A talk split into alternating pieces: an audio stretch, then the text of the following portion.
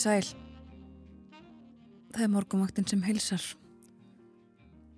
Í dag er mánudagur, 18. september og klukkuna vantar rúmar nýju mínútur í sjö. Björn Þór Sjóbjörnsson og Þórun Elisabeth Bóðadóttir fylgi ykkur inn í daginn í dag. Verðum hér til klukka nýju. Og það er ágætis veður um landallt, hægur vindur víðaskvar. En það má segja að þetta sé loknið undan storminum það tekur að kvessa eftir því sem líður á morgunin. Á eh, nokkuð stórum hlutalandsins en þó ekki á landinu alveg öllu. En förum hringin fimmstega hitti í höfuborginni klukkan 6 hægur vindur létt skíð tvær gráður á Kvanneri fimmstig í stikkisólmi allskíða þar. Sekstega hitti á Patrísfyrði sjö gráður í Bólungavík fjórastega hitti á Holmavík fjóra gráðu líka á Blönduósi áttastig við Söðunarsvita sexstega hitti á Akureyri Súldþar sex gráður og Logna Húsavík nýjustega hitti á Rauvarhörn og áttagráður bæði á Skjaltingstöðum og á Eilstöðum lítilsáttarregning á Eilstöðum klukkan 6 nýjustega hitti á Höfni Hortnafyrði áttagráður á Kvískerjum 5 stig á kirkjubæðaklaustri 8 stig að hitti á Stórhöfða. 8 metrar þar líka. Fór í átján í mestu kviðu 5 gráður í Árnesi.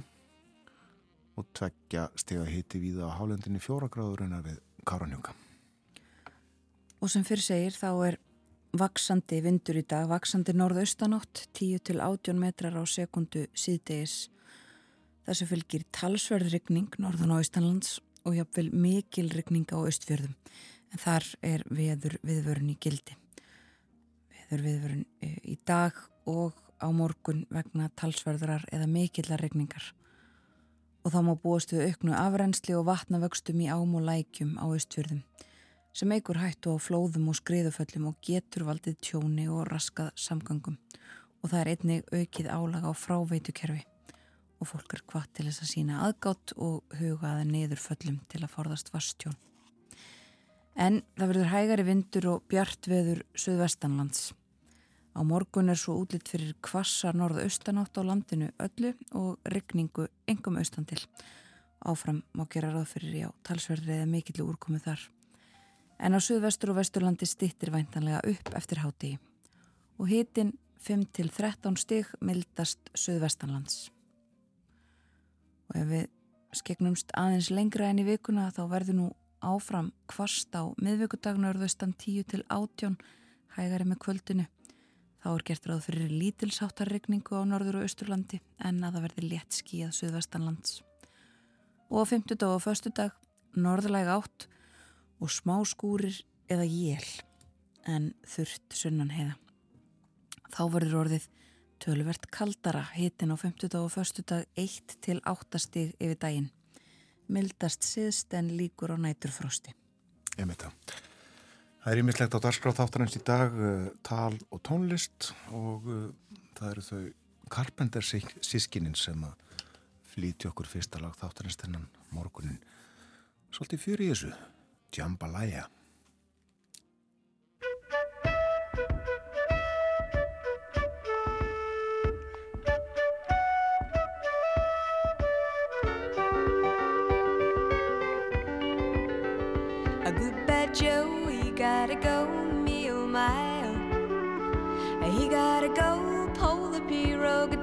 The bayou.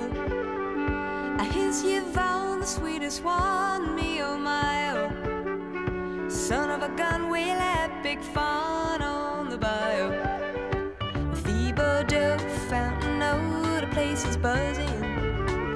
A kinfolk come to see Yvonne by the dozen dressed in style, they go hog wild, me oh my oh. Son of a gun, we'll have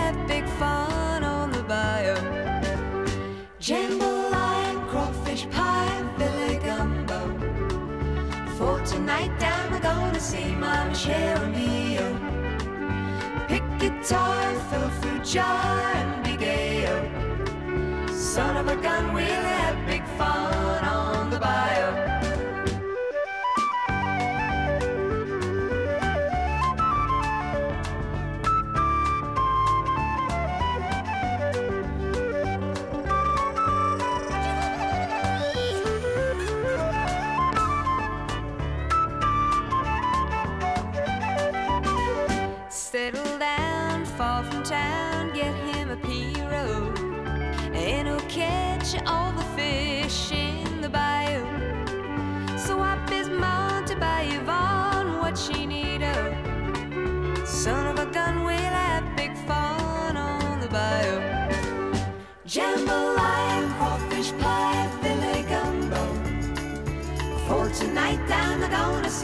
Michelle Mio.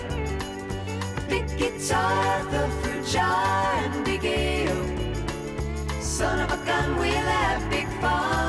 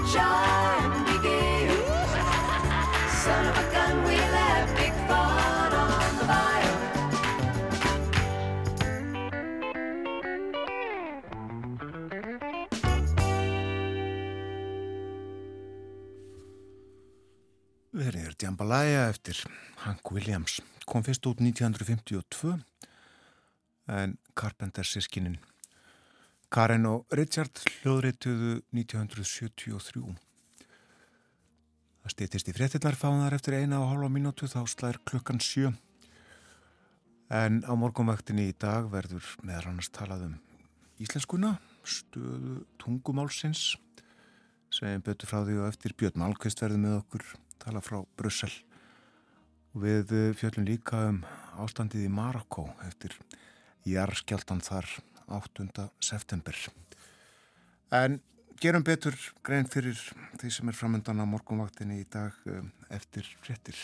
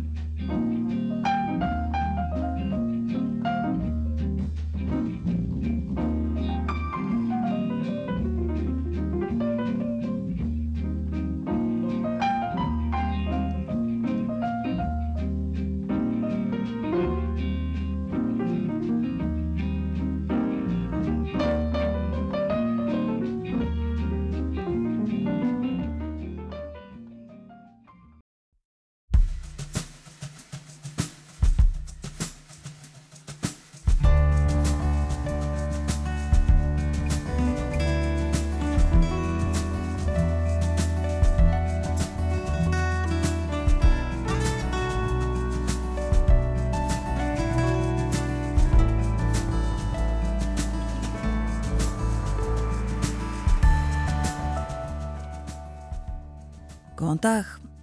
Morgunvaktin hilsar mánudaginn 18. september. Umsjónumenn eru Björn Þór Sigbjörnsson og Þórun Elisabeth Bóadóttir. Setningu alþengis í síðustu viku fjallaði fósetti Íslands um þar miklu breytingar sem að orðið hafa á íslensku samfélagi á síðustu áratugum. Saðan meðal annars að í stjórnarskrá mætti vera kveðið á um það sem að nú þegar segir í lögum að íslenska er þjóðtunga Íslandinga og opinbert mál á Íslandi. Og þessu veltu við fyrir okkur í þættinum í dag með Eiríki Röggvaldsinni, fyrirverandi prófessor í íslenskri málfræði. Hann fer yfir kosti og galla stjórnarskrár ákvæðis um þjóðtunguna og verður með okkur upp úr halv átta. Alþingi var ég á sett í síðustu viku en það er víðar en á Íslandi sem að pólitíkin er að fara af stað. Úrsula von der Leyen, fórseti framkvæmdastjórnar Evrópusambatsins, flutti á dögunum stefnuræðu sína á Evrópuþinginu og í henni komu fram áherslur framkvæmdastjórnarinnar næsta árið en kjörtímabili þingsins líkur í vor. Hún var líka á Ítalíu í gær og Björn Malmqvist, tíðendamadur útdorsins í Brussel, segir okkur frá þessu í spjalli eftir morgunfréttinnar. Og í síðasta hluta þáttarins verður fjallað um ástandmála í Marokko eftir jarðskjáltan fyrir tíu dögum yfir 2900 létust, þúsundir slösuðust og fjölmarkir mistu heimili sín. Dominik Pletel Jónsson þekkir vel til í Marokko, hún hefur margsinnis heimsótt landið og hóf fjársöfnun fyrir neyðastarfi í landinu fáinnum dögum eftir hamfarinnar. Dominik kemur til okkar klukkan hálf nýju. Og eins og minnst var á í fréttatímanum hér áðan að þá hefur verið gefin út gul viðvörun vegna veðurs á östfjörðum. Hún tekur gildi klukkan nýju, gildir út morgundaginn uh, og það er rók og mikil regning í kortunum á östfjörðum. Já og uh, segir í umfjöldun á veð, veðurstofunar að uh, það er gert ráð fyrir ákafri úrkomu á Östurlandi, Östfjörðum og Ströndum á Norðurlandi vestra. Það reyndi þarna svolítið í gær en nú með mótninum tekur eins og það er orðað úrkomu ákjæð að aukast og gert ráð fyrir um 150 mm úrkomu á einum sólarheng og meira en 300 mm á tveimur sólarhengum þegar mest verður. Og svo segir vasshæð í borhólum á Eskifyrði og Seyðisfyrði er mjög lág eftir sumarið. En létt rigning undanfarnar daga hefur gert það að verkum að efsti hluti jarðvegarins er ekki alveg þurr og því ætti jarðvegurinn að geta tekið vel við nokkru magni af úrkomu en úrkomu ákjæð hefur talsverð áhrif á það hvort vatn nær að hripa niður í jarðveginn en þurr jarðvegur hefur tilneyingu til að taka verfið ákafri úrkomu.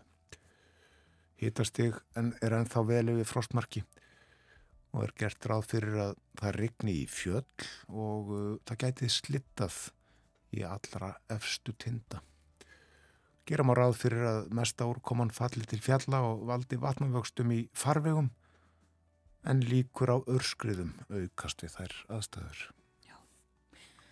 Annar staðar uh, gert ráð fyrir hægari vindi. Það verði yfirleitt þurft og bjart suð vestan til en regnir víðast hvar annar staðar eitthvað í dag. Á morgun hvers norðaustanátt og regning engum austanlands en úrkomu lítið suð vestan til og hitin 5-13 stig í dag og morgun. Það verður svo áfram kvast á miðvíkudag og hitin söpaður 5-12 stig en á 50 dag og förstu dag kólnar uh, töluvert eins til 8 stiga hiti í kortunum þá. Mildast síðst en líkur á næturfrosti. Það verður norðlega átt og smá skúrir eða jél en styrst sunnan heiða. Á lögadag næsta þá eru höstjapdægur. Þá verður austanátt skíjað og dálítil væta sunnan og vestanlands og hitin á bylunu 2-8 stygg. Við lítum í blöðin, byrjum á morgunblöðinu, forsýðmyndin tekin í lögadalsöllinni í gær. Þar voru snillingarnir í Kaurubólta síningafloknum Harlem Globetrotters. Fjöldi fólk sem að sótti skemmtunina. Nú, uh, hér er í stóru fréttinni sagt frá því að undan þá lif eru vaksandi vandamál hér á landi. Það er skoðun Rúnu Högstóttur Kvanberg, forstjóra Livjastofnunar. En í nýjasta tölublæði Læknablaðsins byrtist fræðigrein, það sem umfang undan þá Livja á Íslandi 2020 og 2021 var kannad. Hún nefnir Rúna að ávísunum undan þá Livja hafi fjölgað enn meira eftir árið 2021 meðal annars vegna Livjaskorts í Európu. Undan þá liv eru liv sem að hafa ekki markaðslifi en ef Livjaskortur er eða liv er ómarkaðsett á Íslandi þá getur reynst nöðsynlegt að ávísa slíkum lifum. Og uh, þessu fylgir mikil vinna og kostnaður fyrir Livjastofnun og landsbítalan líka. En rúnanefninu að vandamálið sé ekki einstakt á Íslandi. En út af stærmarkaðarins erum við með óvenju mörg liv á, í undan þáu kerfinu, segir hún. Þetta drögu við fram að fórsíðu morgunblæsins. Og rétt aðeins út í heim það er áfram fjallað mikið um stöðumála í Líbíu í bandarískum fjölmjölum meðal annars sagt frá því að fórsíðun á New York Times í dag að uh, stjórnvöld í Líbíu hafi hunsað uh, ítrekkaðar viðvaranir um stöðumála það hafi verkfræðingar uh, bent á það að það væri mikil hætta á flóðum og flóðin gætu valdi því að stíplur myndu bresta og borgir og bæir fara svona illa eins og raun ber nú vitni og áfram, já, fjallaðum þetta frá ymsum hliðum í bandariskum fjölmjölum.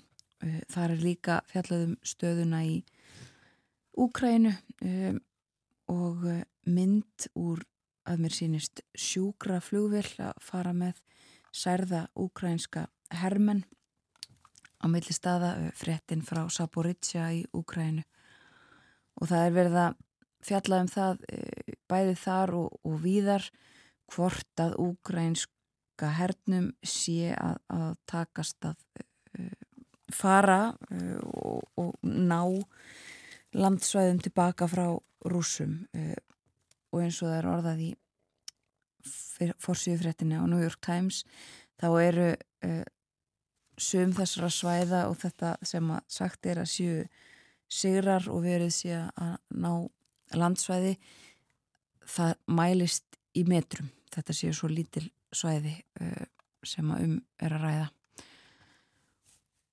Og uh, fjallaðum þetta já líka í breskum fjölmjölum um, nú þegar að úkrænumenn eru að fagna því að hafa náð landsvæðum og segjast vera búinir að brjóta og baka aftur einhverja einhverjar varnarlínur rúsa og uh, líka tölvert uh, fjallaðum það að Utaríkisráður að Kína eh, er að fara til viðræðana við rúsnesk stjórnvöld. Verður eh, í þeim viðræðum eh, núna í dag og næstu daga held ég. En ég mislegt fleira auðvitað frétta auðvitað úr heimi. Við förum kannski fleiri erlendar fréttir hér á eftir en allum að heyra eitt lag. Eins og við myndumst á áðan þá er uh, rókuregning á leiðinni til okkar. Ætlum að hlusta á Efu Kassetti syngja um haustlauf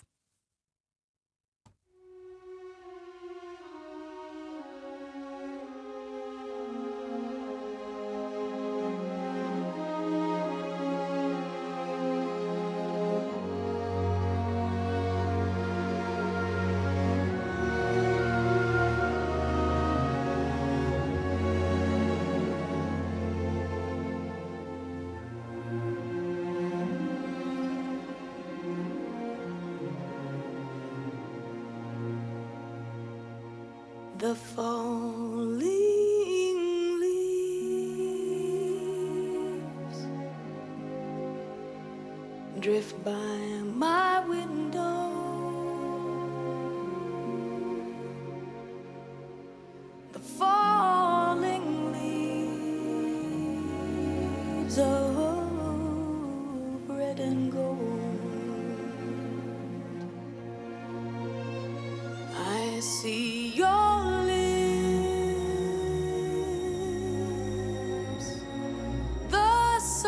Kisses,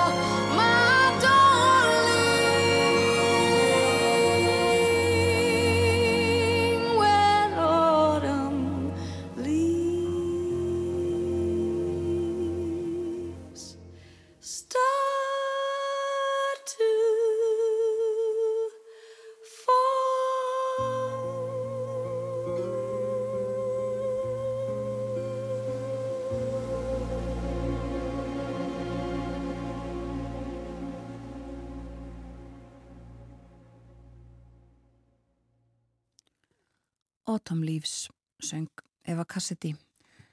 Haustlöfin farin að falla. Og á haustin þá hefjast skólanir, háskólanir þar engin undantekning, nýnumar í háskólanum líklega svona farnir að venjast, það fer að verða mánuður síðan að þeir hófu nám. Og meðal nýnuma bæði í Háskóla Íslands og í Háskólanum á Akureyri er metfjöldi Karla í hjúkurafræði.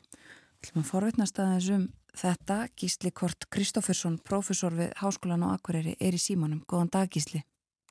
Sæl, góðan daginn. Metfjöldi, sagði ég, metfjöldi kalla í hjúgrunafræði, en eh, hvað þýðir það? Hvað eru þetta cirka margir karlar sem eru að einritast í þessa tvo skóla?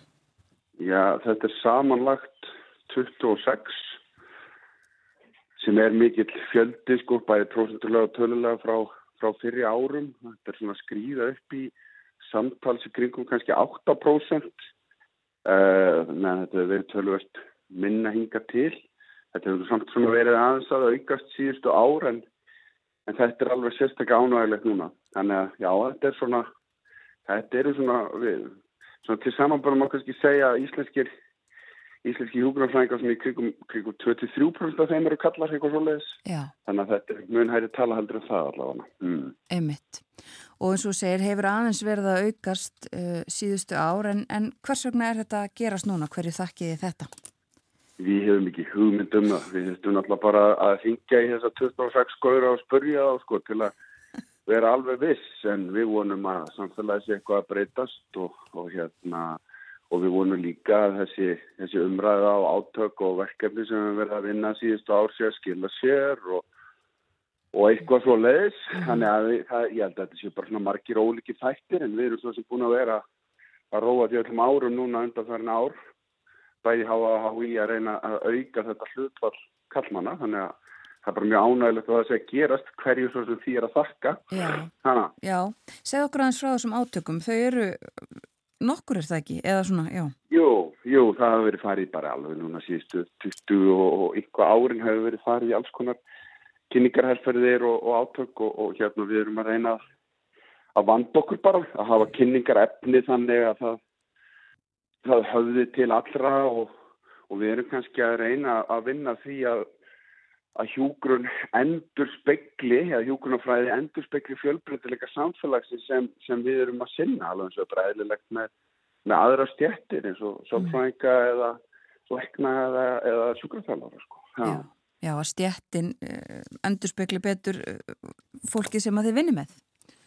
Já, Já. já, og það byggt svo til og við kringum helmingurinn eru, eru kallmenn akkurat núna sko. Akkurat.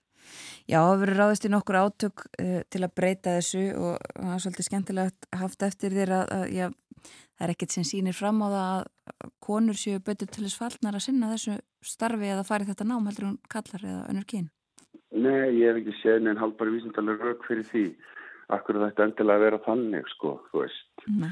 Það er ekkit við starfið sjálft sem gefur það til kynna að, að, að það eigi að vera þannig. Þess að hérna er þetta bara svona sterk hefð, sérstaklega í íslensku samfélag, einhverju hluta vegna. Það er, og það er mjög sérstaklega akkur þetta hefur verið svona fast hjá okkur en, en þetta verist, eins og ég segi, þetta verist vera hnika til. Já. Það er svona ákveðin fyrirvari að það er náttúrulega samkjæmnisprófi hjúgrun þannig að þetta eru einstaklingar sem eru búinir að skrási í samkjæmnisprófin og, og hérna og við erum alltaf bara vonum að, að svipa að herra hlutfall komist í gegn.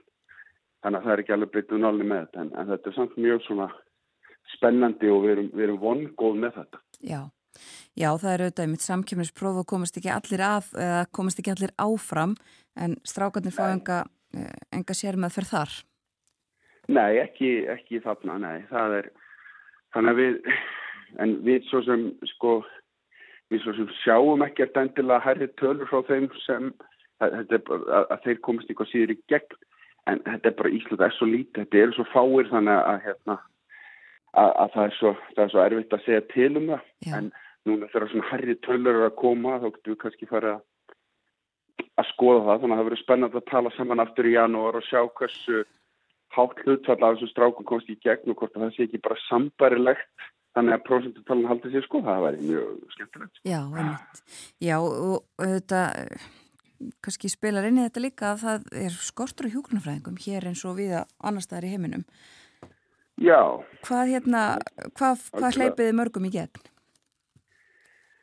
sko, við erum í, við í HA erum, erum einhver staðar kringu 75 og ef ég mann rétt að þá er HI staðar í kringum 120 sem er alveg gríðaleg fjölgun frá því sem, sem áður var bara á síðustu árum. Þetta, þannig að þetta er alveg, þetta er alveg nærri því 200 mann samanlagt Einmitt. sem er að komast í gegn og, og hefja námi í hjúkunafræði sem sagt á, á voruninni og það eru fleiri nefndur auðvitað núna sem er að, að keppa um þessi sæti Mm í báðum, báðum skólunum. Já. Eh, Gísli, þú nefndir á að þetta er sérstaklega svona á Íslandi. Er það þannig að það eru fleiri karlar í hjúgrunarfræði stjættinni í löndunum í kringum okkur? Já, það er eiginlega bara erfitt að finna land þar sem hlutfall er eins lágt eins og á Íslandi. Einmitt það. Það þið getur bara, núna getur lustendur farið að googla og sé hvort þetta syngst að læra. En, en það er ekki víða sem það er það í Skandinavíu, Bandaríkjunum og svona er þetta kannski 10 til 20% er algengar tölur. Og í Noregi er þetta farið að verða alltaf svona, og alveg eins og Íslandi er þetta kannski, við, fólk er kannski minna að fara að hugsa endilega um eitthvað jafnbreytti og, fjölbreytileika, endurspöka fjölbreytileika samfélagsins. Og meira bara að fara að fá fólk, það vantar bara fólk og við þurfum bara að geta rekrúterað úr, úr öllum samfélagshópum sko, saman hvort að það séu káeringar eða kallar eða, eða fólk sem eru gamla sátóperum sko, að þá, að þá hérna, verðum við að geta rekrúterað úr, úr öllum, öllum svona samfélagshópum bara til þess að fá ná fólk inn í hjúgrun. Við erum ekki alveg komið þangað á Íslandi en En Nóruður er þar núna og þess vegna eru þau að leggja alveg sérstaklega áherslu líka og að, að, þetta sé eitthvað sem kallar ættu að skoða og, og, og þetta er það núna bara, þú veist, eins og með hlustundunar, verið nú góðu þess að stráka í fermingavislum og, og hérna og skýrnum og, og allt þetta, að þetta sé ekki, að þeir sé ekki stór undarlegir að fara í hjúkunarfæðir, það sé bara jákvægt og þetta sé bara skemmtilegt og spennandi fag sem hendi öllum kynjum sko. Já, já. Já, en það hefur brunnið við að það sé þannig strákar, uh, já, nefndahópar ávarpaðir í, í kvenkinni og strákar hafi engan stað til þess að uh, skiptum föt á spítulunum sem hjúgrunarfræðingar og, og fleira þannig. Þannig að þetta er líka, það er ekki nóg að fá þá inn, það þarf að breyta uh, allstaðar. Já, og við erum að vinna í því, það er nú eitt hlut af einu verkefni að að við erum að, vinna í bæði þessu námsefni og kynningarefni og erum alltaf andon í hálsmálið á, á þessum deltum sem sjáum það í skólanum, skólanum og, og síðan alltaf líka með námsefnið, það er annað. Og síðan erum við sífælt að brína kennarinn okkar fyrir það, við erum ekki með það sem við kallum svona útilokandi orðalag sem eru bara þessi sem eru þessi litli skilabóð sem segja gísli, þú átt ekki að vera hérna. Það, þurrlaður út, þú átt ekki að vera hérna veist, þannig að við erum að, að reyna hérna, já, við erum að reyna að, að hætta þessu. Annar orðið þetta er svona ör, ör áreiti, þetta er svona lítil skilabóðum það að þú er ekki heim í þessari stjættu kallmaður og, og við erum að reyna að breyta því og þetta er það alls ekki rétt en, en hérna, þetta er nú samt svona þegar við erum að gera rannsónu og taka viðtölustákan okkar sko, að þá er það þetta sem, sem þeir upplýja á stundum. Já. Þannig að þetta er eitthvað sem við erum að reyna að breyta og ég held að það sé að, að taka svona smá saman. Akkurat. Og þeir eru líka búin að stopna karladeild innan félags íslenskra hjókunarfræðinga og þú ert formaður þar. Hvað, hvað gerir karladeildin? Hva, við erum aðalega bara að sinna því. Við vorum nú að hittast fyrir helgi og ætlum að reyna að halda bara svona hérna haustfund þar sem við meðal annars ætlum að bjóða þessum ágættu nýjumann sem, sem umveru vettir. Það að og það er svona, það, þetta, þetta vísar allt í það, ekki það að allt sem gerir sér byggt á rannsóknum sko, en, en, hérna, en þetta vísar í svona niðurstöður erlaugur rannsóknum að, að það hjálpar að, að vita að þú ert í geitn og hafa eitthvað samfélag, en á sama tíma sko, að þá vilja strákarnar ekki vera teknir ómikið út úr heldur sko. Nei.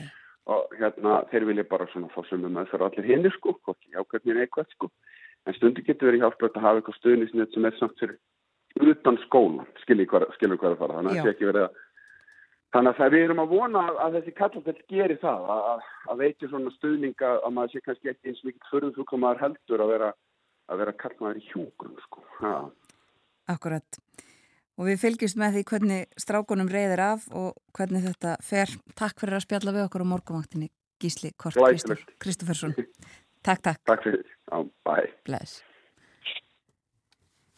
Káringa í hjúgrun. Já, og fólk sem hefur áhuga á sábópurum líka. Mm.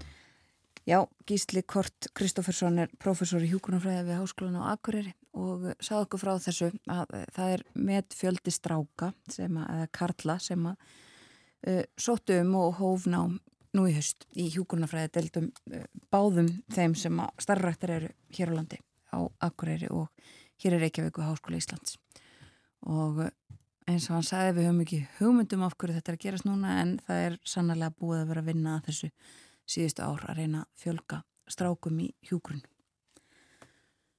Við fyrum að hleypa frettastofinni að yfir lit morgunfretta er næst á dags frá morgunvaktarinnar. Svo ætlum við að velta fyrir okkur íslenskunni. Kostum og göllum þess að hafa ákvæði um hana í stjórnarskrá. Meirum það eftir nokkra mínútur.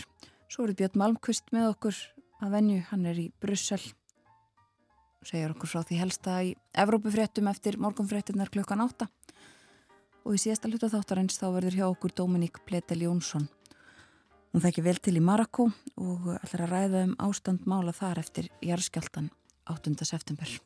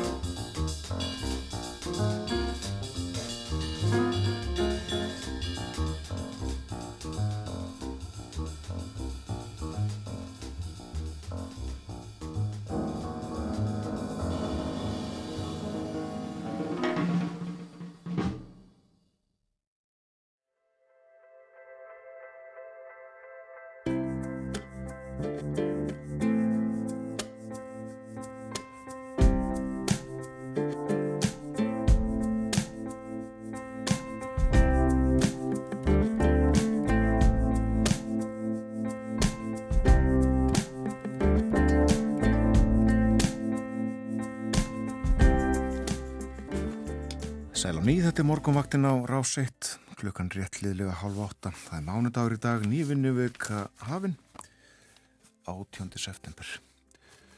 Við lítum í blöð, innlend og erlend hér áðan. Segja líka frá því að það er satt frá því á baksíðu morgunblaðsins að lýsingar hönnunar fyrirtækið Liska vann á dögunum til tvenra verðluna á alþjóðlegri verðluna afhendingu alþjóðlegu ljóstækni samtakana. og það fyrir lýsingu á Hallgrímskirkju bæði innandir á utan. Og rættum þetta við Örn Erlendsson hjá Lisku, hann er verkfræðingur og ljósvista hönnur. Og hann segir þetta eru þetta staðfesting á að maður sé að gera hlutina rétt að samaskapi er þetta mikið aðdráttur afl fyrir kirkjuna að fá þessa viðkengu skemmtilegt. Það er ímyndilegt framöndan hjá okkur í þættunum við uh, minnum á að Björn Malmqvist verði með okkur eftir fréttinnar klukkan 8 tala frá Börsel, lítur okkur tíðindi úr stjórnmálunum í Európu og uh, millir hálf nýju og nýju þá fjöldum við um ástandið í Marako eftir jæðarskjáltan þar 8. september Dominík Pletil Jónsson verði með okkur. En uh, nú ætlum við að tala um allt annað. Við setningu alþingis í síðustu viku fjallaði fórseti í Íslands sem um þær miklu breytingar sem að orðið hafa á íslensku samfélagi á síðustu áratugum. Og hann saði meðal annars að í stjórnarskrá mætti vera kveðið á um það sem að segir nú þegar í lögum að íslenska er þjóðtunga Íslandinga og opimbert mál á Íslandi. Skulum grípa hérna aðeins niður í áarp fórseta. Við eigum tungumál sem gerur okkur kleift að skilja það sem var skráða bókfell fyrir nær þúsund árum. Heimskringlu og fósturðarasögu, Jártsíð og Jónsbók og allan okkar menningar arf í aldanar ás. Í þá íslensku taug vefjast sífælt nýjir og ferskir þræðir. Þannig heldur hún styrk sínum í bráð og lengt. Ágætu alþingismenn, þessi sannindi hafa aðrir orðað mun betur en ég. Ísak Harðarsson var eitt mesta trúarskáld okkar tíma á Íslandi en orti annars um allt milli heimis og jörðar. Heyrið hvernig hann lýsir mætti málsins í hvæðinu til móts við orð og fer ég hér með hluta þess. Þegar Ingólfur Arnarsson hjælt burt af kringlu ferri er menn byggðu á hans tíð og sylgdi með fólk sitt og fjö á vit landsins er hermt var að lægi ist í norðuri. Þá held hann ekki til móts við land, heldur orð. Þrjóst sildi skipið, öldu eftir öldu, eftir öld, eftir öld, 1100 ár. Djarft sildi skipið. Og hér syklu við enn, djúpan geimin á bláum netti, knúnum solvindum, til móts við orð. Þannig orti skaldið og megi orðin og málið lifa áfram og öll getur við lagt okkar af mörgum og sjálfsagt er að ríkisvaldið sé í fararbrotti. Í stjórnarskrá mætti þannig vera hvaðið áum það sem segir nú þegar í lögum að íslenska er þjóðtunga Íslendinga og ofinbært mál á Íslandi. Álektum þess efnis gæti jafnvel þótt við hæfi á afmælis árinu framöndan. Best væri líka að ofinber fyrirtæki hefði Íslandst mál ætið í forgrunni á flúvöllum, hjá stopnunum og hvarvetna. Lít stóðar að hvart undan því að alþjóðamálið enska sækja á ef við sjálf gerum því óþarflega hátt undir höfði en látum okkar eigin tungu likja í láginni. Guðni T.H. Jóhannesson, fórseti Íslands við setningu alþingis í síðustu viku. Og til að ræða um þessa tillögu, ef við getum orðað svo, um ágæti þess að festa í stjórnarskrá að íslenska sé þjóðtunga Íslendinga og ofnbært mál á Íslandi, þá hefur við fengið í þáttinn Eirik Raukvaldsson, professor emeritus í Íslenskri málfræði við Háskóla Íslands. Hann talar í síma í skafafyrði. Góðan dag, Eirikur. Já, góðan dag. Þetta er nú ekki í fyrsta sinn sem að þetta er nefnt og ég veit að þú hefur velt fyrir þér kostum og göllum þess að hafa þjóðtungu ákvæði í stjórnarskrá? Já, neini, það er alveg rétt. Þetta er á sér langa sögu og miskosti 20 ára sögu eftir sem ég, ég best ekki vel verið að sé lengra, lengri saga en, en 2003 til dæmis þá laði Mörður Átnason á samt fleiri fram þingsálistunar til lögu uh, þar sem að var uh, sagt meðal annars að það væri rétt að aðtöðport þörf væri að setja það í stjórnarskrá og íslenska væri þjóðtunga. Og, og þetta var svo þessi til að var þessari til að var vísa til ríkistjórnarinnar held ég. En, en það svo sem gerðist nú ekkit meira í því á þeim tíma síðan var það þegar e, fyrsta skipti var samþygt íslensk málstefna á, á alþengi 2009 að þá, þá segir í henni e, að, að það e, er lagt henni, til í henni að það verið skipu nefnt sérfára manna til þess að finna skinsamlegustu leiðina til að tryggja lagalega stöðu íslenska tungu og íslensk takmáls í íslensku samfélagi eins og segir þarna og verkefni nefndarinn verði meðal annars að leggja mat á það hvort skinsamit sé að bæti stjórnarskrá sérstöku ákveðum að íslenska sé að þjóðtunga Íslendinga og ofinbært mál Íslenska ríkisins. Og þetta, þetta sem sagt uh, var gert uh, þar að segja það sem varð úr þessu var að það voru sett lög 2011 lögum um stöðu Íslenska tungu og Íslensk takmáls og þar kom inn þetta ákveði um hérna um að íslenska væri þjóðtunga en, en, en það var ekki farið í það að setja það í stjórnarská. Nei, það er mitt fyrsta grein þessara laga. Íslenska er þjóðtunga, Íslendinga og ofinbært mál á Íslandi. Já.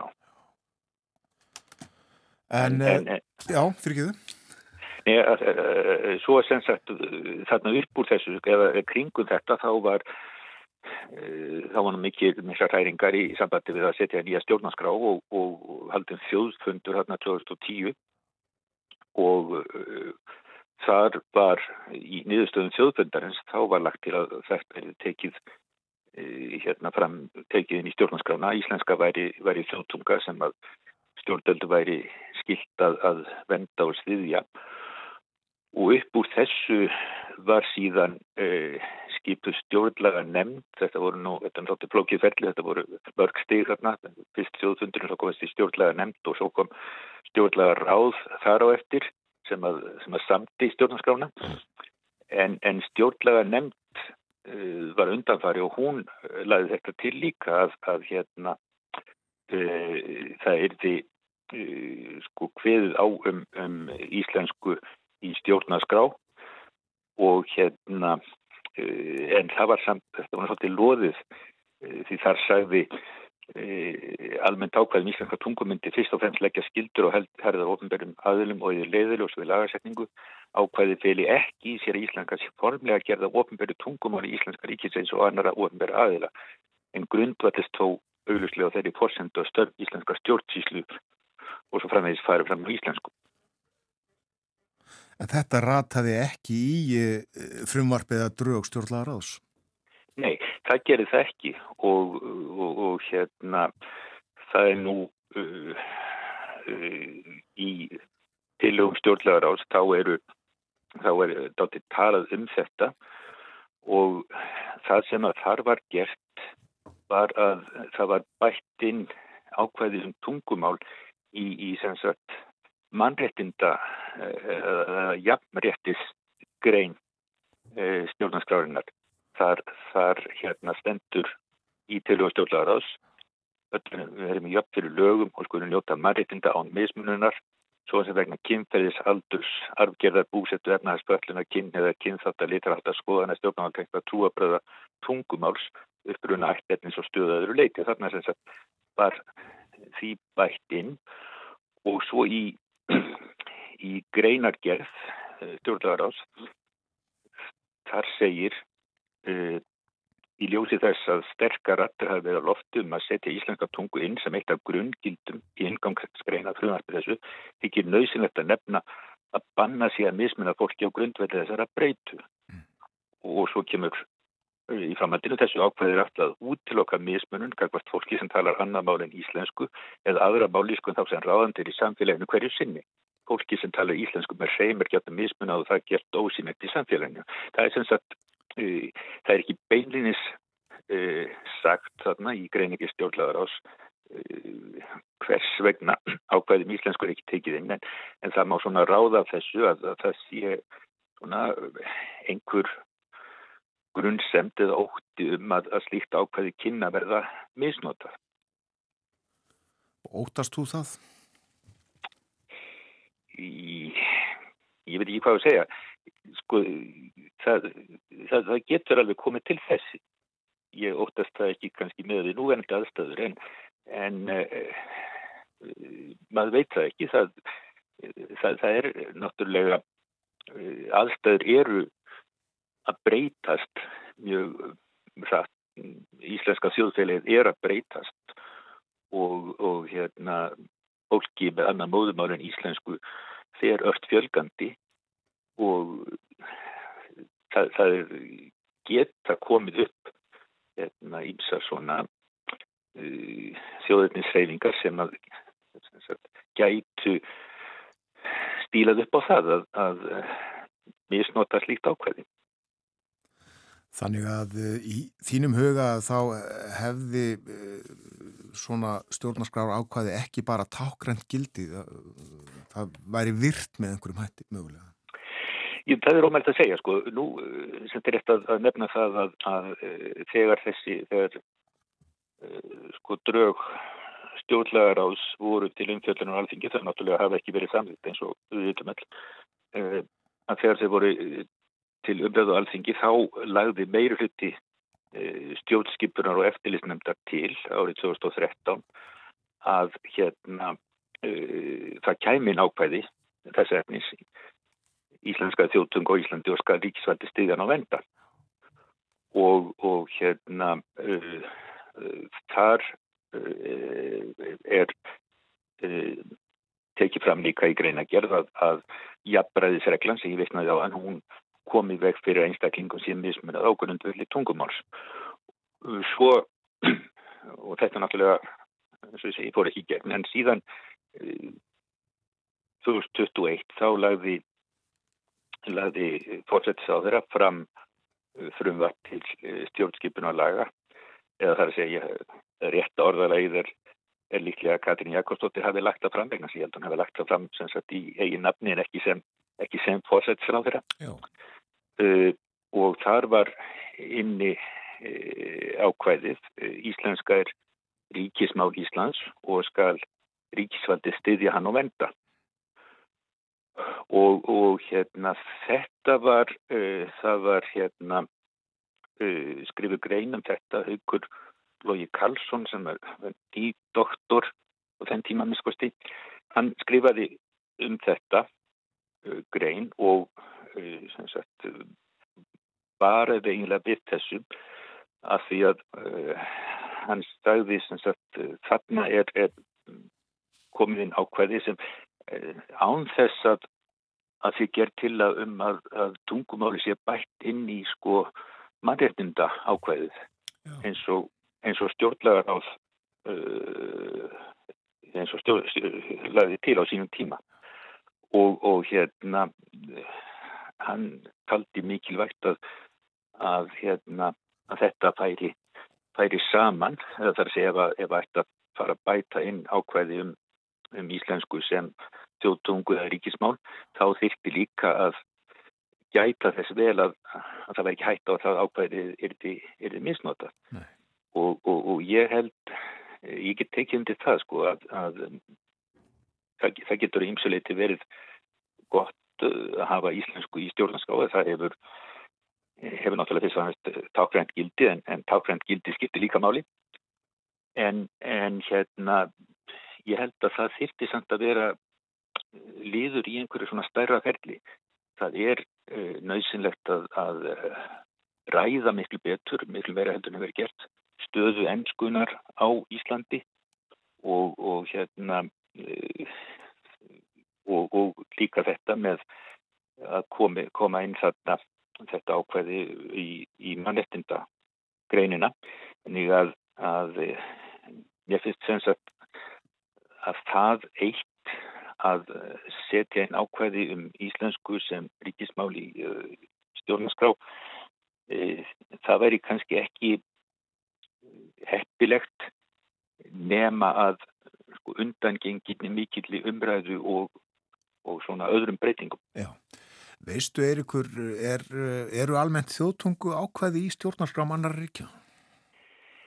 Ég þekki það nú ekki personlega en, en, en hérna í þessu því sem ég las frá þessum umræðum þarna kringum 2011 á stjórnlaga, nefnd og stjórnlaga ráði þá skildist með það. Þar var, var sagt að það væri svona víðast hvar einhvers líka ákveði. Einmitt það. Uh, aðeins að þessum lögum um uh, íslenskuna frá 2011 uh, við höfum yfir fyrstu greinina áðan en önnu greinin er svona þjóðtungan er sameigilegt mál landsmanna stjórnvöld skulu tryggja að undverði að nota hana á öllum sviðum íslensks þjóðlífs og svo segir allir sem eru búsettir hér á landi skulu eiga þess kosta læra og nota íslensku til almennrar þáttöku í íslensku þjóðlífi svo sem nánar er mælt fyrir um í sérlögum. Finnst þér uh, þetta að vera sæmilega uppfyllt?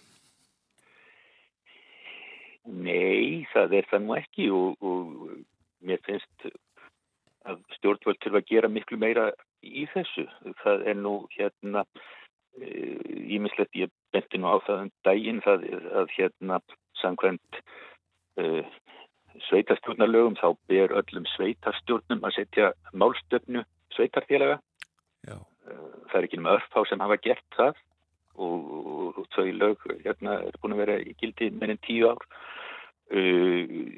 Það vantar mikið á að, að ríkið sjáu fyrir hérna nægilegri sjáu til þess að sé nægilegt frambúða kennslu, kennslu efni fyrir fólk sem vil læra íslensku og, og ég fórsetin talaði nú um það líka í í hérna, þingsetningar áverfi sínu og ég tek mjög endreið undir það og, og mér sínist ég var nú að fara í gegnum uh, fjárlega frumvarpið fyrir næsta ár og, og hérna, ég sé nú satt sér ekki að það sé standi til að bæta neitt í uh, varðandi kjenslu íslensku sem annarsmáls uh, þó að það sé mjög brínt og, og í fjármála áallunni sem var lögð fram í vor þá sáist þess heldur ekki merki.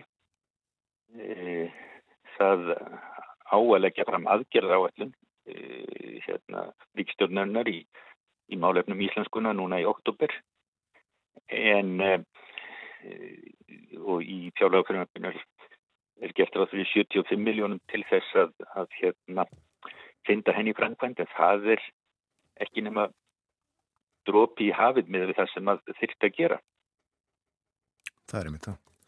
En svo er það enskan sem að, að við töluðum um áðan og uh, fórsetin líka í áarpinu og uh, hann talaði um uh, flugvelli og íslensk fyrirtæki.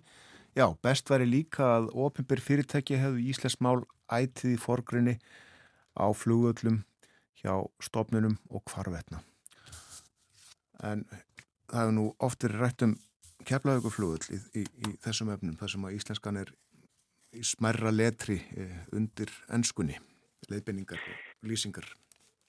Já, já, það var nú í fyrra haust, þá kom nú hérna uh, fréttum það að stjórn Ísafja hefði samþygt að uh, við endur nýjun merkinga í hérna í tænslu náttúrulega framkvæmdir hérna þá eitthvað íslenskunni gert hær undir höfði e, ég veit ekki hvað það sé, hann hefði komið hérna alveg nýlega, hef ekki, veit ekki hvort Eh, það er komið eitthvað, eitthvað í gangu en, hérna, eh, það er allavega búið að lofa því en, en þetta er svo sem gildi mjög víða að, að hérna, og ég held að sko ákveðum íslensku í lögum og, og stjórnarskrá þau eru góð og gild en, en hérna það sem að, það sem að skiptir náttúrulega öllu máli er að að við viljum virkilega að halda þessu tungumál á lotti og það skortir heilmikið á það mjög víða bæði hjá, hjá hérna eh, aðilum og, og fyrirtækjum. Ennska er samskiptamáli mörgum fyrirtækjum skilsmur? Já, já, já, já, sko þetta er náttúrulega, þetta er mjög snúið af því að sko, við erum auðvitað með ífurlegan fjölda fólki hér sem, sem hérna, velendum uppruna og, og, og við höfum ekki staðið okkur nógu vel í því að, að kenna því íslensku og, og við þurfum líka uh, hérna, að, að tryggja rétt þessa fólk, fólk hérna, sem hefur annar móðumál, það líka þá að á sinn, sinn rétt við meðum ekki og það er eitt af því sem er náttúrulega ég hef miklar áhugir af er að það stefni í það hér að það verði til uh, samfélög fólks uh, þar sem að íslenska er ekki notuð og, og, og, og það verði, það við séum að raun og veru að búa til uh, lástjætt fólks sem hérna, er, á, er á lágum launum hefur litla mentun og er, er sagt, fast þar. En, en hérna kann ekki íslensku nema hérna takmarkað og getur það alveg ekki tekið neitt þátt í, í virkan þátt í þjóðfélaginu. Og það er auðvitað mjög slæmt bæði fyrir, fyrir fólki sjálft og fyrir íslenskuna og bara fyrir okkur sem líðræðislegt samfélag. Við þurfum að halda þessum umræðum áfram, það er greinlegt. Takk að kellaði fyrir þetta spjall Eirikur Ákvaldsson. Skín sólun í skagafyrði? Eh, ekki ennþá, hún hérna kemur nú kemur ekki upp hérna fyrir klukkan, klukkan átta þar sem ég er, þannig að það er ekki bara að reyna á það en þá. Nei, nei, það kemur í ljós. Já. Kæra þakki fyrir spjallið. Já, takk sem þess. Eirikur Akvaldsson, eh, professor emeritus í Íslenski málfræði.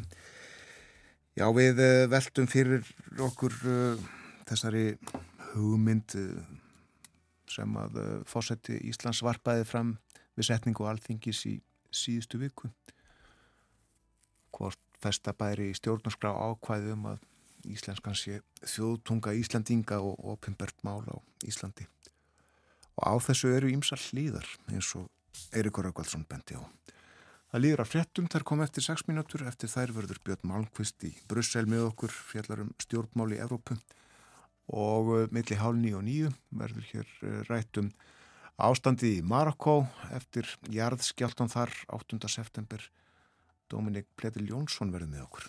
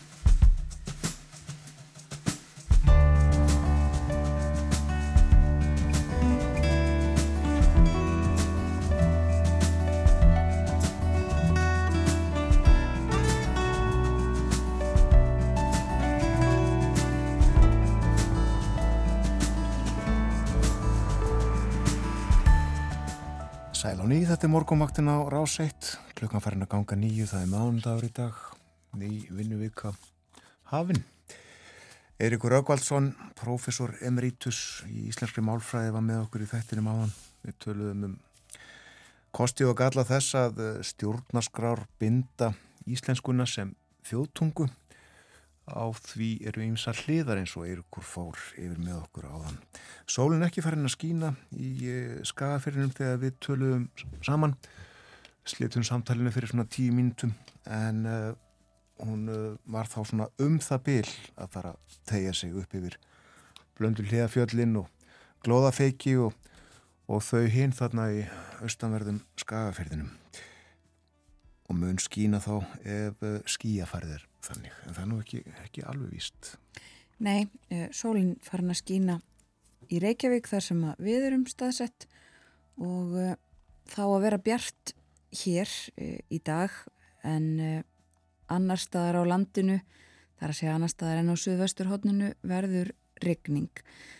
Þó ekki fyrir en síðar í dag ég hugsa að það gæti skinni sól í skagafyrði sól svona á uh, um það byl helmingi landsins í morgunsárið en svo tekur að regna víðast hvar og eins og við hyrðum í frettunum og höfum minnst á í morgun talsverðið að mikil úrkoma í kortunum austanlands bæði í dag og morgun Ég minni á að uh, Dominík Pletil Jónsson verður með okkur eftir hálf nýju. Við ætlum að tala um ástandið í Marakó eftir jarðskjáltana þar 8. september. En nú eru við komin í samband við Björn Malmqvist í Brussel, heil og sell, góðan dag. Góðan daginn, hér skýn sólinn líka, það er 15, 16, 17 stíða hitti og reyndar gert ráð fyrir regningu út vikuna þannig að það er kannski ekkit ósvipað á heima. Nei, akkurat. Við ætlum að uh, tala eins um uh, stefnuræðuna sem að Úrsula von der Leyen fórseti Franklandastjórnar Európusambandsins flutti Európuþinginu í síðustu viku. Uh, við ætlum reyndar líka að tala um annað sem að varðar hana en, en allra fyrst að gærdeginum var ekki nánast öllum bílum lagt í Brussel í gerð. Jú, það var bílus sunnudegur í Brussel í gerð, það var bara öll umferð engabifriða var hérna, var lagða af frá klukkan hvaða hálf tíu til sjö í gerðkvöldi. Það voru semst bara leigubílar, strætóar og svona löguröglu sjúkrabílar sem, að, sem að máttu keira um og reyndar á, á, á 30 nema náttúrulega sjúkrabílar. Uh, hérna var bara allt fullt af hjólriðafólki og gangandi vegfærandum sem að nutu þess að ganga niður breyðstrættin og aðrar götur hérna í Brussel. Uh, breyðstrættir sem er venilega fulla bílum. Það var til dæmis mjög gaman að sjá hérna niður uh, götuna sem heitir Rutula Lua sem er einstaklega hérna frá Evrópakverfinu og nýri bæ, maður sér venilega þegar maður horfir svona niður eftir götunni, eru ekkert nema rauð afturljós á bílum og byllandi trafík.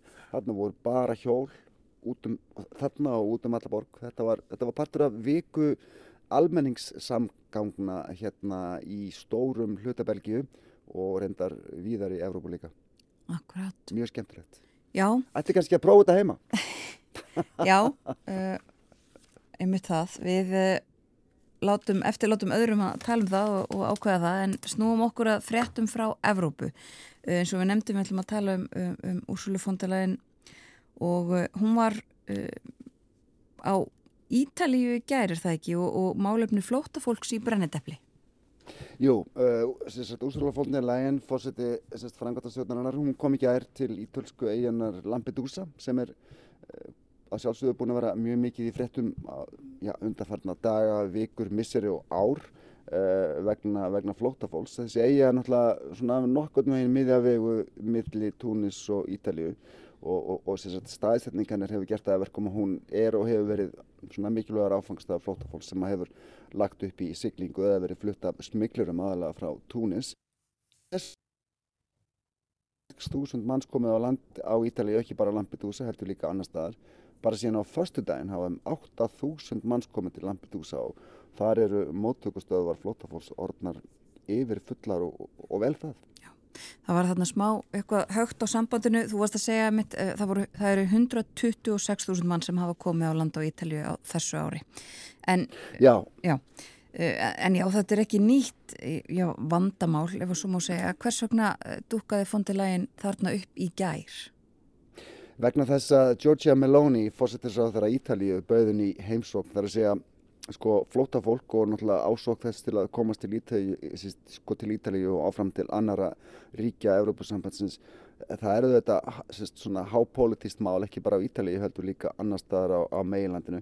Meloni og hennar stjórn hafa tekið frekar af, sérst, harða afstöðu kakvart þessum hópi sem að mætti kalla ó, sérst, óreglulegir innflytjendur, þannig að glemum því ekki að Meloni er í stjórn með, með flokkum sem að hafa svona á undanförnum árum verið bara, bara sínt mikla anduði garð mm. sko þessa fólks og hún náttúrulega þarf að, að halda, halda friðin innan, innan, innan sinna stjórnar.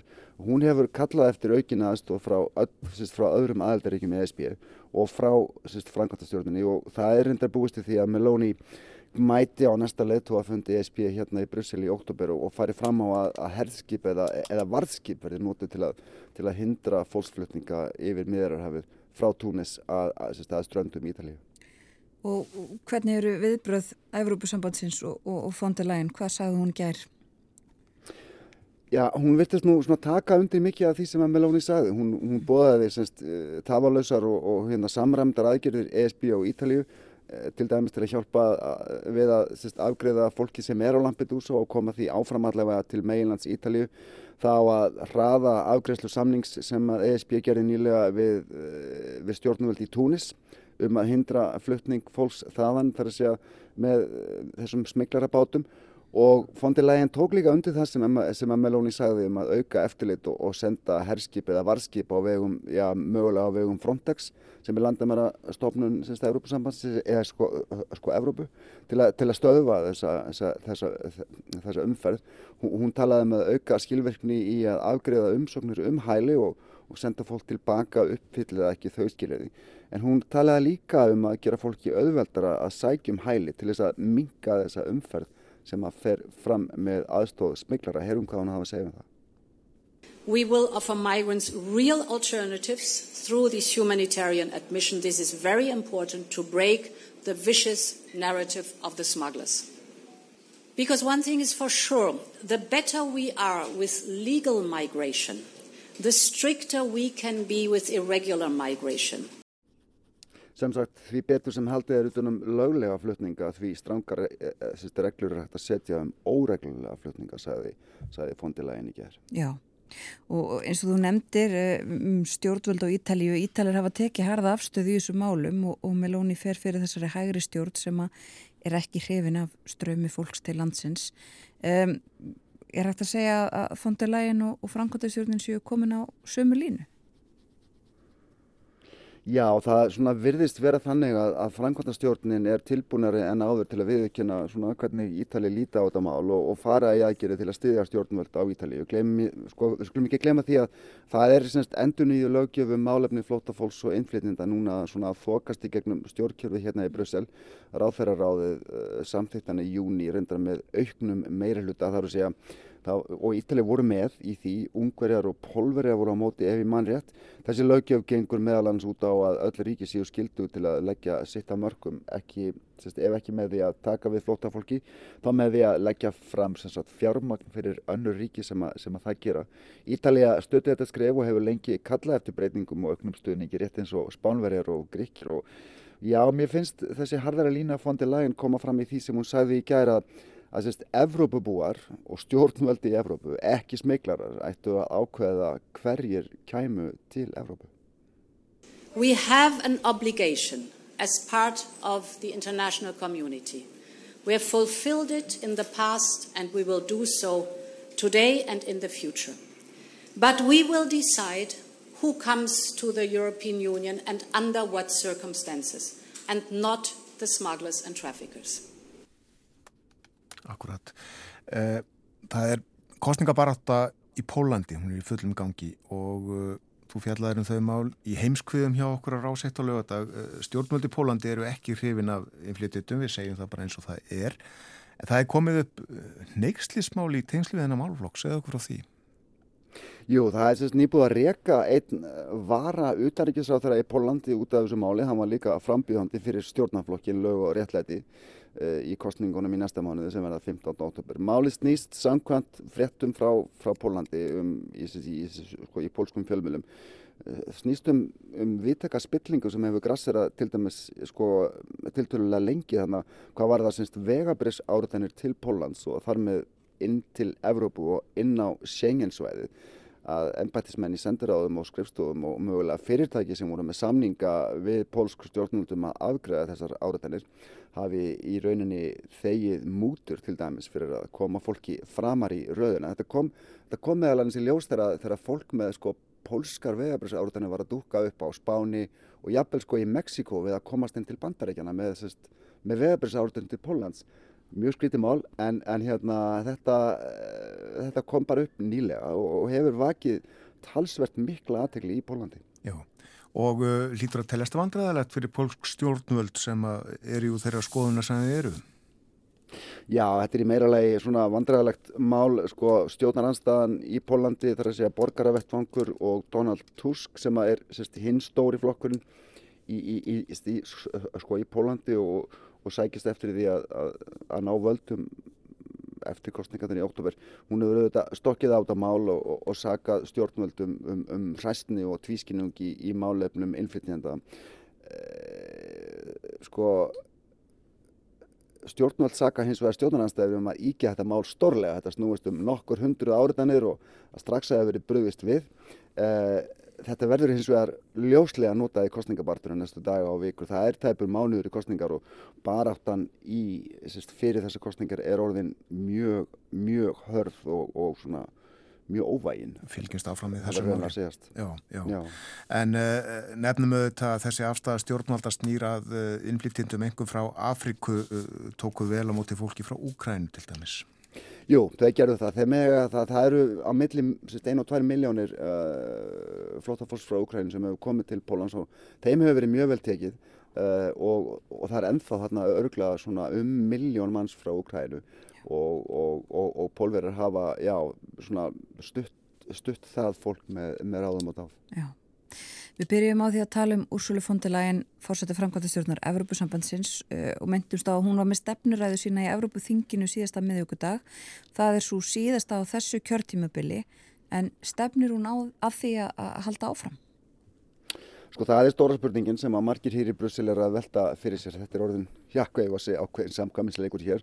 Der Leyen gaf reyndar ekkert út á það í ræðinu í síðustu viku en hún hljómaði samt eins og hún væri sko ef ekki að fara að bjóða sér fram þá allavega var hún að minna á svona hvað hún og framkvæmtastjórnin hennar hefur komið í verk á, á síðustu fjórum árum. Þau náttúrulega eiga eftir um það byrj ári í ennbæti það verður skiptum mannskap í brunni eftir kostningarnar til Evropaþingsins sem að verða í byrjun næsta sumas snemma í júni ef ég mann rétt.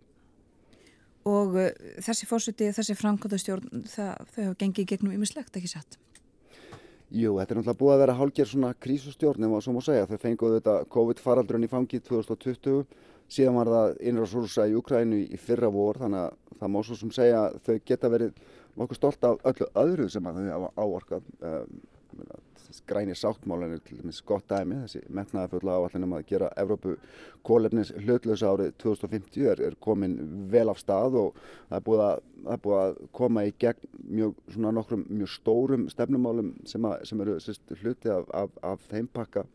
Eh, Frankvartastjóðin hefur til dæmis líka lagt áherslu á að við held að samkeppnishefni aðtörnulífs í Evrópu og og líka ráðist í aðgeri til að venda þessar samkeppni. Það til dæmis vakti aðtekli í ræðunni að, að fondilægin bóðaði rannsókn á því hvort að kýmversk stjórnvöld sé að niðugriða framlegst á rafbílum til að koma þeim í goða markastöðu í Evrópu.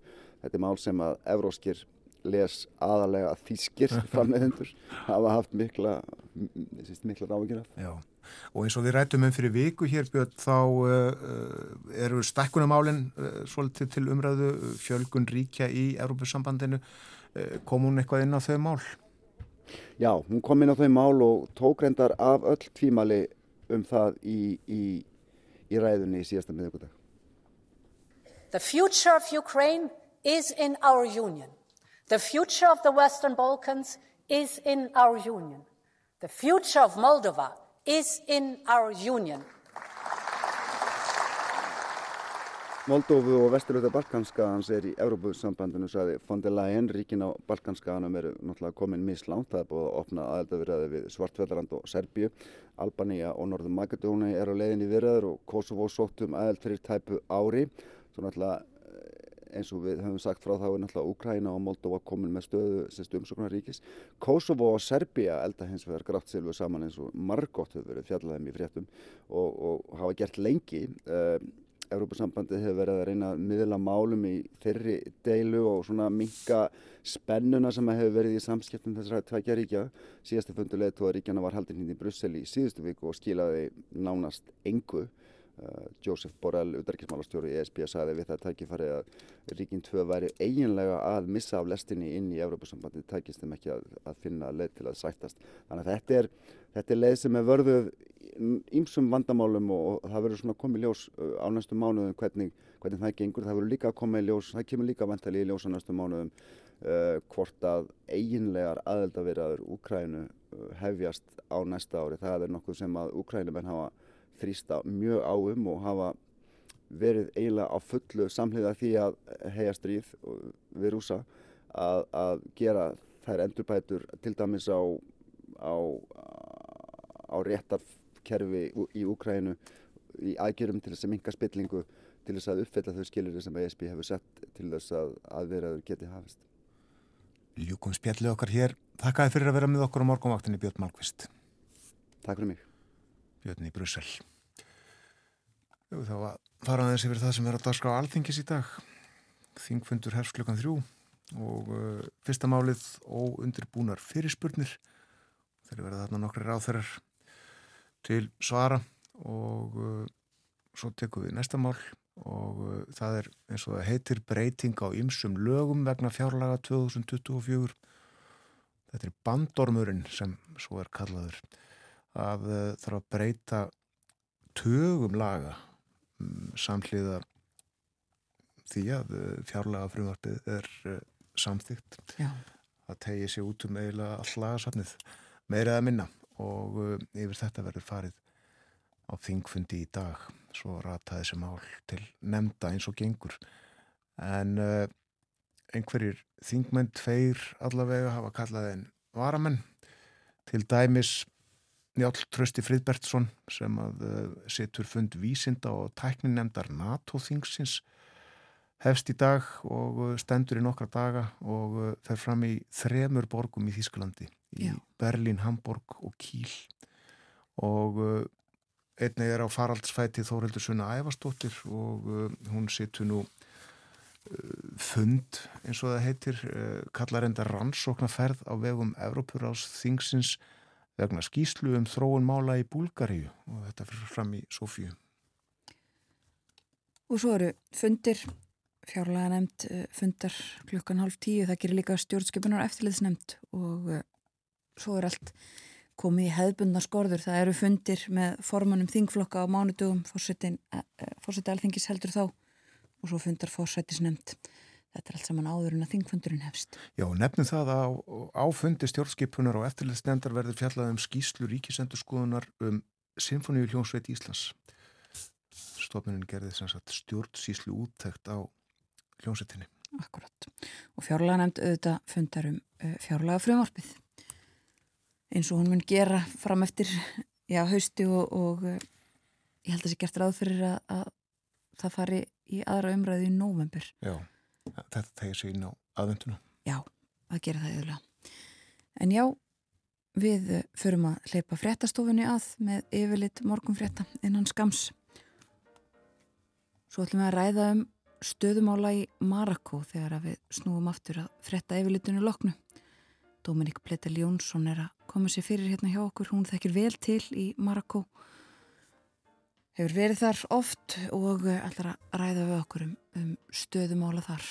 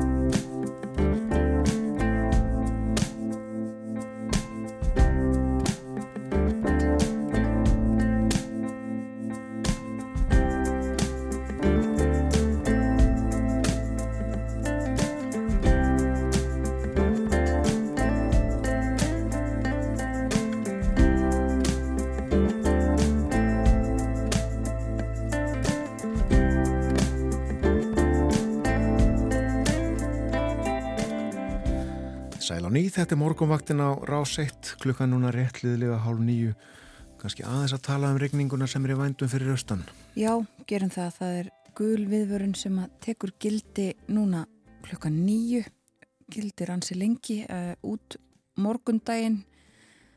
Það er uh, gert ráð fyrir talsverðri eða mikillir regningu og það má búast við auknu afrensli og vatnavöxtum í ám og lækjum sem að eigur hættu á flóðum og skriðuföllum og getur valdið tjóni og raskað samgöngum. Einnig er aukið álaga á frávitukerfi og fólk hvað til að sína aðgátt og einnig huga aðeins niðurföllum til að forðast vastjón. Svona hljómar viðvörunin vegna þessa veðurs og eh, annar staðar á landinu verður regning í dag við, viða en það verður þurft og bjart suðvestan til. Þessari regningu fylgir líka rók eh, norðaustan 10 til 18 metrar á sekundu en hægari vindur á suðvestur hodni landsins. Á morgun líka hvers norðaustanátt og regning engum austanlands áfram en úrkomu lítið suðvestan til. Og hitin 5 til 13 stig í dag og á morgun. Svo kólunar ekki reyndar fyrir ná 50 dag en 50 dag og förstu dag má gera ráð fyrir næturfrosti og hita á bylinu 1 til 8 stigi við daginn. Það kólunar smám saman, en það haustar smám saman líka. Þetta er gangurinn í þessu. En nú ætlum við að fjalla um ástandmála í Marokko eftir jarðskjáltan þar 8. september 2900 léttust, ég held að það sé nýjasta talan. Þúsundir slösuðust, gríðarleg eðilegging varð í landinu, húshrundu, vegir, rofnuðu. Dominik Pletel Jónsson farastjóri þekkir vel til í Marokko. Hefur margsinnis heimsótt landið og hún hó fjársöfnun fyrir neyðastarf í Marokko fáunum dögum eftir hanfarnar. Velkomin í þáttinn Dominik. Takk gæðilega fyrir. Já, þú þekkir uh, vel þessar slóðir þar sem skjáltin hreinlega varð. Já, eiginlega ég þekki best uh, akkurat þetta svæði í Marokko og uh, allir vinnir mínir eru þar. Svo það er akkurat þess vegna sem þetta snerti mig alveg beint í hjarta. Svo veist og hérna og ég fekk skilabóð, ég, ég held að það sé svona í kringum minnætti. Svo veist að fólki í bæði Marrakesh og hérna og annar staðar néttu vita að það hefur verið svona stórskjálti og allt var í, í klessu eiginlega. Annars að vita hvað aflýðingarnar voru þá sko. Einmitt, þetta var bara rétt eftir, eftir skjáltanirinn. Rétt eftir, já. já. Segð okkur hans frá þessu landsvæði. Þetta er fjallendi og uh, þetta er svæði sem er með svona mjög sterk uh, enginni. Svo veist að hérna norður, uh, hérna Marokko er svolítið séróbátti og svo hefur við fjöllin sem eru ekki eins há þar en hérna hæsta fjallið í, í uh, há allas eins og ég kallað að það er alveg yfir 4000 metra hæð þarna í Dúbkall þannig að hérna, þetta er strjábílt nema auðvitað borgirnar sem eru hérna, yfirleitt í dölum eða á sléttunni sem sagt fyrir neðan og uh, það er líka svæði það sem hyrðingjar frá yðimörkinni fara sagt, með uh, dýrinsinn sagt, upp í fjöldin það sem er svalara heldur í mörkinu og fara svo niður aftur að hausti svona, uh, núna september-oktober Já. Aðeins til þess að setja þetta í samhengi að, að, að þetta hæsta fjall það er eins og tveir konandalsnjúkar á hæð. Já Akkurat. Já. Og þarna hefur þú komið marg sinnis? Já, ég hef komið hérna mjög oft, ég hef svona langa sögu, ástasögu við Marokko, vegna að ég fer þangað fyrst 1984, svo ég er svona orðið að verða 40 ár. Já. Og uh, ég hef frá 2009, ég hef farið svona næstum því tvísvara ári á hverju ári nema í COVID-inu til eh, Marokko með hópi Íslandinga akkurat að þeim slóðum sem núna Já. er eh, hérna eru í rúst Já. Þú varst einmitt hjá okkur hérna uh, í nóvember líklega, við töluðum um Marokko uh, í tengslum við uh, gott gengi liðsins á hinsmestramótunni í fólkbólta. Akkurat. Mm. Það er langt á milli í svona viðburða. Já, en já, þú hefur ekki látið næja að, að skoða landið og, og segja Íslandingum frá því þú hefur kynst mörgu fólki þannig. Já, ég gerði það vegna þess að uh, þetta kemur sjálf sér. Þetta er það maður fer að vinna með hérna fólki það er svo mikil einlægni að uh, maður er tekin inn í fjölskyldu og, og, og svo framvegist þannig að þú veist að ég sagði nú síðast að ég fór hérna með 50 manna hóp ég sagði að ég verða að passa mig hérna hvert ég fer og með hverjum ég er að vinna vegna þess að það vita allir dægin eftir að ég hafi verið þar og ekki unnið með þessum og, og svona þú veist fiskisagan hérna hún er sennilega frekar úrvalda sagan af, af vissu en hún gengur mjög hratt Já. hérna út um allt þannig að tengslinn eru mjög sterk Já. Flýgur úrvalda sagan í bara Já, hún flýgur alltaf í burjá Já og uh, gott fólk almennt sem að þú hefur kynst í Marokko. Já, alveg einstaklega. Einstaklega og bara svona eitt lítið dæmi, þú veist að bílstjóratni sem hafa kert með okkur í hérna eðmörkinni og leikið sér þessu og verið mjög vinsælir hjá öllum. Hef með alla á Whatsapp, þeir kunni ekki að skrifa fransku allavega, ég kunna arabísku en ég get ekki alveg lesið það. Þá er svo lesa að þau senda mér myndir og, og svona allt mögulegt bara til að halda hérna samband. Já, akkurat. Það er þannig samskipta En uh, eru þarna mörg tiltölu að fámenn þorp eða eru þarna borgir? Hvernig, hvernig er það, hvernig, hvernig býr fólk þarna á þessu svæði? Á þessu svæði er svolítið af öllu vegna þess að hérna þegar járskjáltin var þá töluðu allir um að þetta hafi orðið í Marrakesh. En eh, hérna það kemur í ljós og mjög fljót að Marrakesh var eh, langt frá því að vera miðpunkturinn og skemmtist jú skemmtist en ekki það mikið. Ég held að voru að tala um að það veri einhver svona fjögur, fimm döðsvöld sem sagt í, hérna í Marrakesh. En hérna það er í kring fjöllunum það er, það er allt til í hérna nærsléttinni eru borgir kannski 10-20 þúsund manna borgir. Og það er öruðu fyrir mest skemmtum og svo upp í fjöldinni er mjög strjábilt og það eru svona smáþárp og miðlums kannski 1000-2000 eh, hérna manns. Og þá þar hrundi og fjallið, ég, ég fekk ekki að senda mynd sem sagt af uh, á einum stað sem sagt það bara fjallið fór bara alveg í heilu lagi nýður á þorpið. Já, hérna. og uh, hérna fólki líka býr þessir til dæmis hýrðingjar búa í tjöldum þannig að þýlit til voru svona kannski hérna betri stödd. En þau hafa líka vist að veru í hellum og morta þessu hrundi. Svo lýsa að þó að þau hafa kannski komist lífs af, þá var allt búfið bara eh, hérna horfið.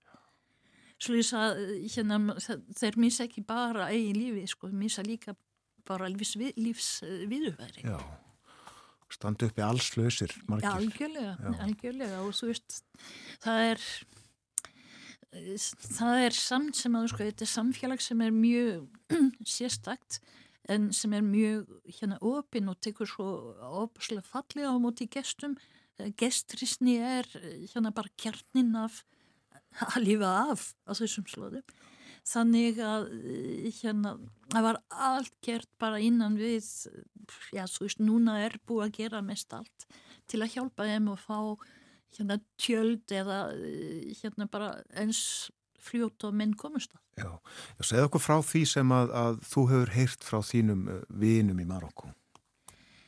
Það er kannski, sko ég fekk alveg helling af alls konar eh, myndbund og myndbundum og öllu mögulegu og en það sem sló mig kannski mest það er að hérna og ég talaði Byrtu hérna Bergsveits eh, dóttur sem býr í hérna Sáira og hún hefur nákvæmlega sömu tilfinningu og hún er í miðjunni þessu sjálf að uh, það er þessi samhugur og þessi samstaða sem strax, veist, í helginni kom fram.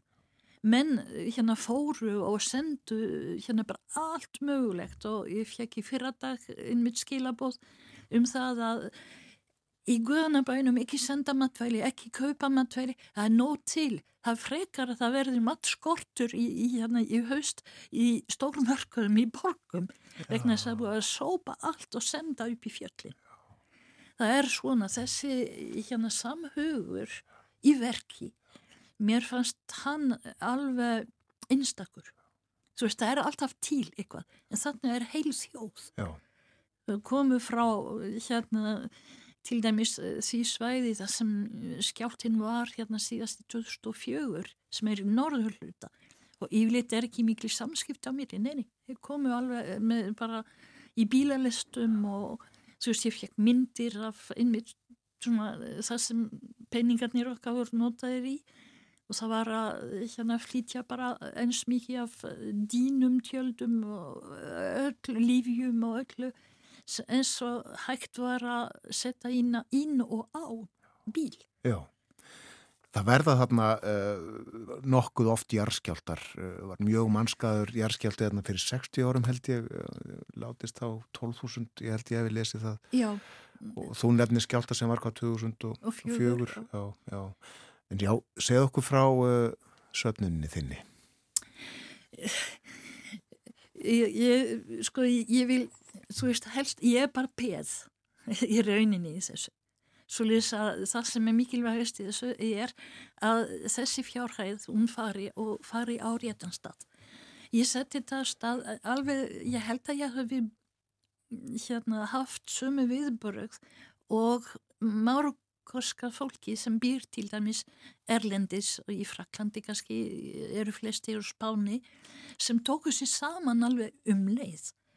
Og uh, þessi ástóð, hún er ómittanlega og hún fer bynd líka þangað sem mest eftir þörfin. Já, þú sendir þessa peninga eh, bara til fólks er það ekki sem þú þekkir? Og, og það útröðar hjálpagögum. Sko, það sem ég gerði, hérna, þú veist, ég hef unnið með sama mannin í hérna öll árin ástum því, hann, hann er hérna leysaumaður á staðnum og hann er mjög öflugur og mjög veltengdur í ná allt og þekkir allt og alla.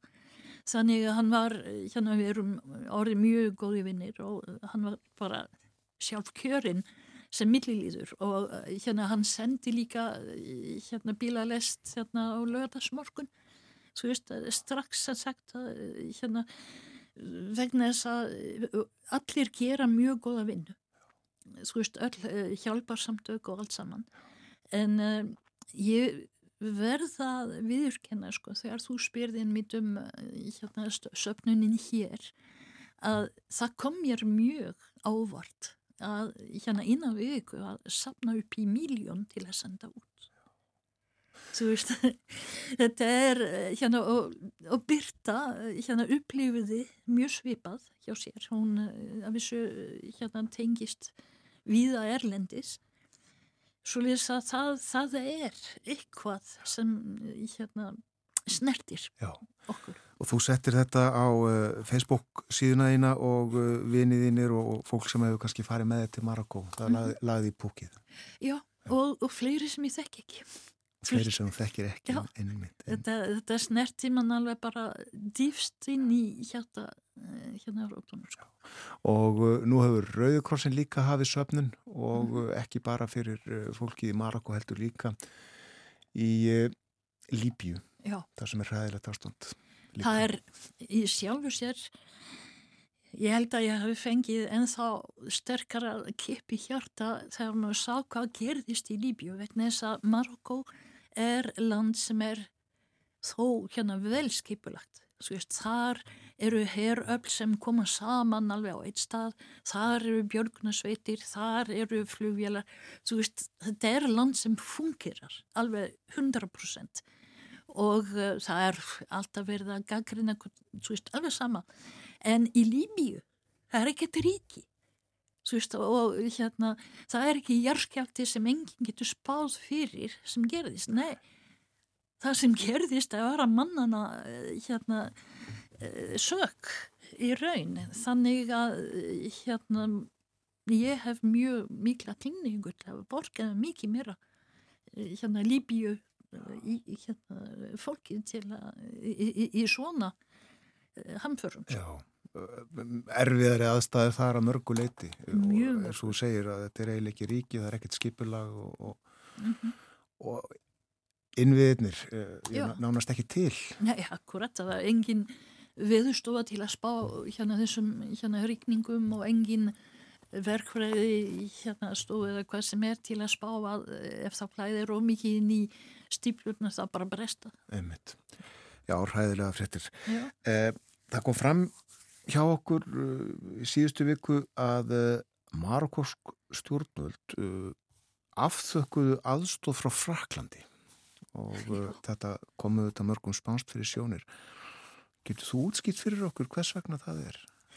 Já, þetta, hérna, það er svona dalti hérna, stormur í vasklasi í sjálfu sér. Vegna þess að hérna, Marokko fekk strax aðstóð frá fjórum löndum. Marokko er bara sjálfvalda ríki. Það má ekki glema því. Og hérna þessi umræða sem varð í Fraklandi aðalega og þarafleiðandi í öllum fjölmiðlum hún var svolítið keima af hérna nýlendu uh, bræði sko maður segja. Já. vegna þess að hérna, já, Marokko og Alsýr og hérna Norðafrika, þetta var okkar, land, okkar landsvæði og við erum hérna fremstýri flokki, bestýri flokki og verðum að hérna hjálpa þeim. Án þess að taka tillit til þess þú veist hvernig er staðan í raun á, í landinu og um, svo hérna ofan á þetta kannski bætist við að hérna konungurinn var ekki alveg á því þú veist að láta hérna frakkana uh, groppa sig segja, af, hérna, að hjálpa Marokko. Vegna þess að það er svolítið hérna kuldi á milli landa núna síðustu hvað, tvö árin? uh, hérna fyrst vegna þess að uh, hérna það var sett hérna, lög um, hérna, vegafris áritun til hérna, Fraklands fyrir Marokko fólkið. Þú veist þeim döldu lengi og alls konar hérna, skriffinsku vandamál og það, hérna, já, það var ítla tekið í Marokko en svo hitt sem er kannski viðkvamara og mikilvægara það er að eh, hérna, Frakland hefur aldrei samþygt að viðurkenna eh, að eh, Vestursahara tilheri í Marokko. Spán gerði það, sem sagt, og hérna, Arab, nei, hérna, fyrstadæmin gerði það og Katar gerði það. Svo lýs, hérna, það, það, það sýtur svolítið í þeim sem sagt að hérna, setja aftar í, í rauðinni og það, það er mjög eh, heitt kartabla, má segja. Já. Allt á sig sína skýringar. Allt hefur sína skýringar en þú veist eh, þó að eh, hérna frakarnir fengu ekki að senda uppinberast og bla bla. Það er öll samtökin í Fraklandi og það sem að kalla diaspora sem sagt, þú veist, marokkurskar fjölskyldur og fólki sem býr í Fraklandi er búið að vera alveg rosalega upplögt. Akkurat. Já, uh, Marokko búar uh, í Fraklandi uh, hafa stutt fólkið sitt í mjög, já. Mjög svo, mjög svo. Gamla heimalandinu og, og svo eins og segir frjálsfélaga samtöku og annars líka. Já, já, já, já. já. Er þú aðeins þá að satna peningum fyrir Marokko? Við ætlum að hafa hérna söfnin út þessa viku. Já. Þú veist, en, en þetta sko ég held að ég hef sett í allt þrjár færslur á Facebook sem ég hugsa þér Svona er nú fólk gott. Já, já, ég segi það og ég þakka bara hér alveg alla öllum fyrir hérna þessa hérna aðstóð sem er ómyndanleg Og hægt að finna upplýsingar á Facebook síðu Dominik, Dominik Pletil Jónsson. Takk að þið kellaði fyrir að vera með okkur á morgumáttin í dag. Takk fyrir að bjóða mér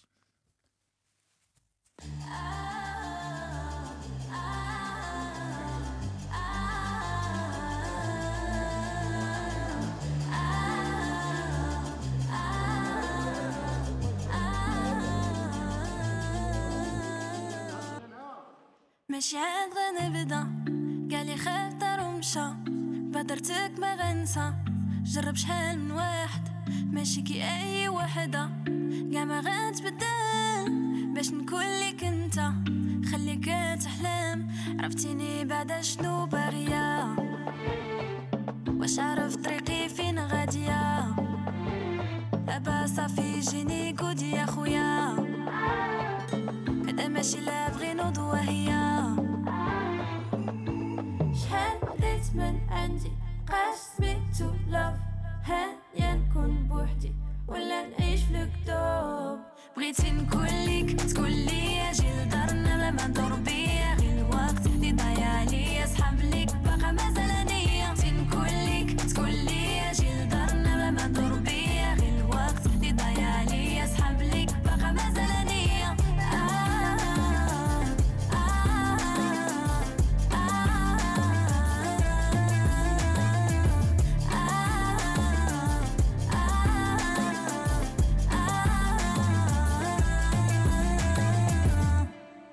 شحال وأنا كنتسنى باغا ماك نتسنى تمر ورد وحنة أنا كاع الناس. بغيت نسمع كلمة غادي تلقاني حداك. حبس خليك تما عينيا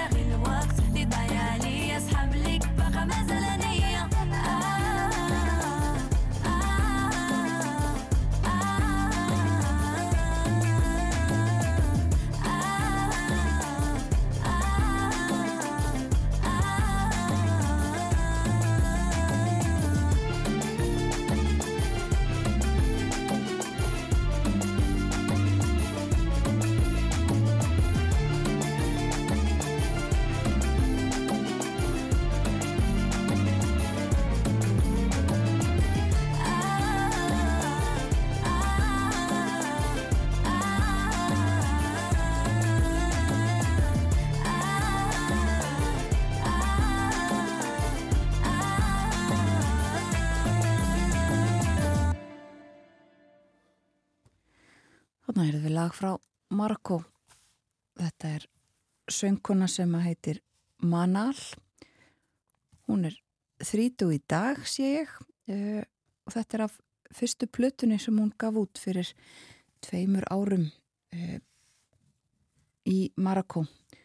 Platan heitir 360 og uh, þetta lag nýja.